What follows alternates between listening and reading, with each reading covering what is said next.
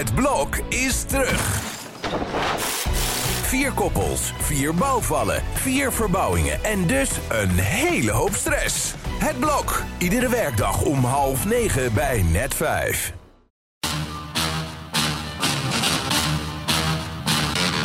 Dit is Strikt Privé, de dagelijkse showbiz-update met Evert Zantegoed en Jordi Versteegden. Ja, er is zoveel te bespreken vandaag dat we bijna een dubbele aflevering van deze podcast zouden kunnen maken. Maar goed, we hebben maar acht minuten, Evert, dus we moeten heel snel praten. Dus laten we snel van Jetje gaan. hoor. Ja, met, eh, met serieus nieuws om mee te beginnen. Igoné de Jong, de ja, waanzinnige balletdanseres, kon juist de afgelopen maanden niet dansen vanwege die situatie met Thijs Reumer natuurlijk. Ja, en eh, doet daar voor het eerst haar verhaal over in, eh, bij Chantal Jansen in haar blad.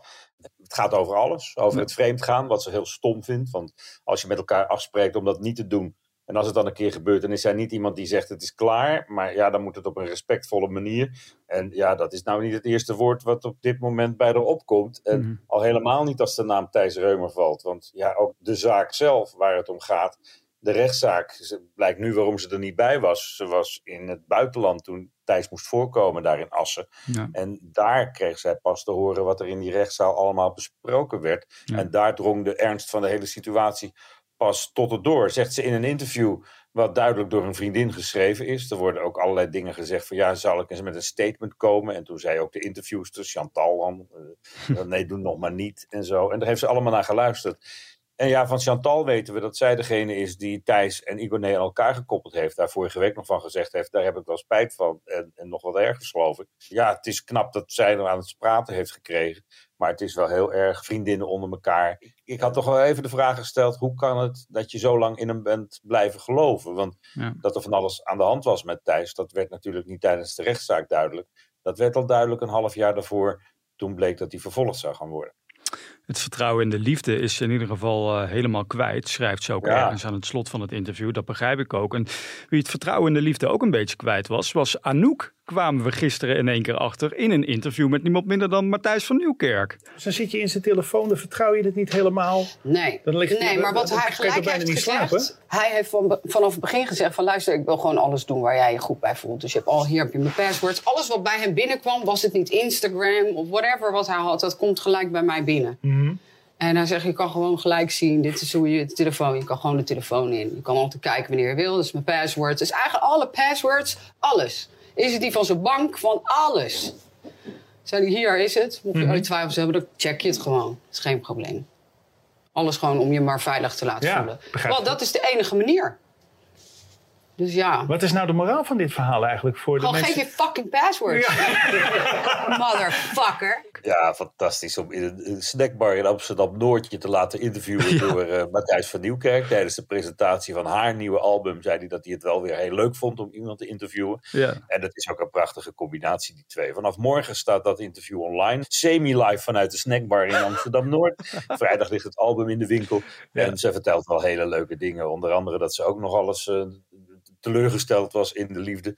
En dan nu met haar eh, Dominique een lot uit de loterij eh, getroffen heeft. Iemand die ook zei, oh dit is mijn wachtwoord van eh, mijn Instagram en dit van mijn Netflix. Dan kun je er kijken. En die had totaal geen geheimen voor haar. Ja. En zij moest daar zo op lachen. Dat ze dacht, hé, hey, zo kan het ook. Een man zonder geheimen, kennelijk. En ja, het werkt nog steeds, die twee samen. Dus ze staan ook zoenend op de, de hoes van, van het nieuwe album. Ja. Dat gaat wel goed hoor.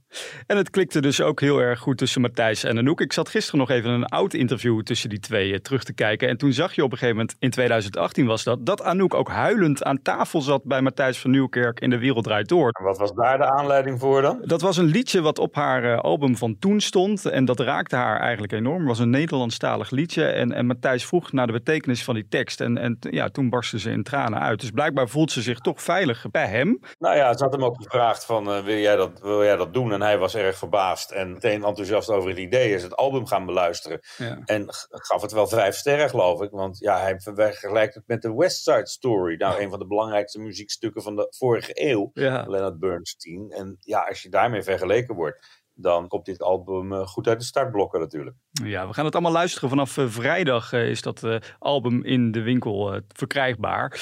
Mensen streamen dat, Jordi. Oh, dat is natuurlijk ook zo. Ja, ik, ik, ik, ik nou ja, goed. Ehm, we gaan naar Matthew Perry. Even iets serieus tussendoor. Hè? Want we waren al dagen aan het wachten natuurlijk op de reactie van de cast van Friends. En ze hebben nu gereageerd, hè? Ja, maar ik vind het ook wel netjes dat ze niet elkaar, meteen over elkaar heen tuimelen. Van ik vind het zo erg en ik vind het nog erger. En dat onvermijdelijke RIP wat je dan overal op dat soort boodschappen ziet. Ze hebben er goed over nagedacht en elkaar één reactie gegeven. Door, van ja, ik heb dit met hem beleefd en dat heb ik voor hem gedaan. Dat, dat blijft allemaal achterwege. Het blijft heel goed. En dat geeft ook aan de enorme eh, sfeer binnen die groep. Ik vind dat zo knap dat ze dat zo goed gehouden hebben. Zonder ruzies, zonder gedoe. Ja, dat is eh, tekenend. Ze, ze zijn ontzettend verdrietig, aangeslagen. Zo. Kapot van verdriet door het eh, verlies van een van hun maten. Die hele energie in die groep is natuurlijk nu anders. En als mensen al zeggen, ik kan bijna niet meer naar Friends kijken zonder te huilen. Ja, dat is het laatste wat de makers van die serie beoogd hebben. Want het was altijd lach op lach. En Ja. dat zal op een gegeven moment wel slijten. Maar eh, de dood van, van Matthew Perry is eh, heel hard aangekomen, ja. 54 jaar, ik blijf het zeggen. Het is zo'n Ja, en zo'n aardige vent. Ja. je zag hem worstelen, je zag hem struggelen met, met, met alles. En het is toch zonde dat hij dat niet op tijd op de rit gekregen heeft. Wat ook een ontzettend trieste en verdrietige situatie is. Eh, We konden het vandaag lezen in de Telegraaf op pagina privé. De situatie bij Jan de Bouffry. En dan met name zijn oudste en jongste kinderen en Monique. Dat is echt ongelooflijk wat Nou, daar gebeurt. Als die de rechtbank inlopen, dan zullen ze ook wel roepen: Hallo, daar zijn we weer. Ja. Want eh, ja, het, het gaat maar door. En het lijkt erop dat Jan stierf in de overtuiging dat hij alles goed geregeld had. Ja. Ook voor zijn twee oudste kinderen. En dat is toch wat minder het geval. Want ja, in de eerste slag hebben die kinderen toch wel degelijk een groot deel gelijk gekregen. Dus er zijn wat dingetjes die niet deugen. En er komt een nieuwe zaak aan, die gaat op 14 november eh, voorkomen. Je leest er vandaag over in de Telegraaf. Ja. Morgen ook in het blad trouwens, in privé. En eh, ook nog opmerkelijk is de rol van Natasja Vroger, die toen er vorige maand ook een zitting was, in oktober, deze maand dus, Mhm. eh, ineens opdook in de rechtszaal als vriendin van Monique de Bouvry. Ja. Terwijl die oudste kinderen dachten, wat zit zij hier te doen? En Ja. dat lees je allemaal wel. Het is een, eh, haar is ook gevraagd om zich een beetje terughoudend op te stellen. En eh, de kinderen hebben dat als een beetje, nou ronduit als een merkwaardige actie ervaren. Ja, dat kan ik me ergens ook wel voorstellen. Dat je in één keer Natasja Vroger voor je ziet. Dan denk je, hè, zijn we nu in een televisieprogramma beland of zo? Ja. Wat, wat, is dit? Heeft Jan de Bouffry eigenlijk ooit in, in de quote 500 gestaan eigenlijk? Of was hij daar niet rijk genoeg voor? Nee, daar was hij toch niet rijk genoeg voor. En dat is jammer, want ja, de, hij heeft het heel goed gedaan. Getuigen zijn huizen. Het Ja. huis wat nog steeds te koop staat in het Gooi. Het prachtige huis in Saint-Tropez wat hij daar eh, had.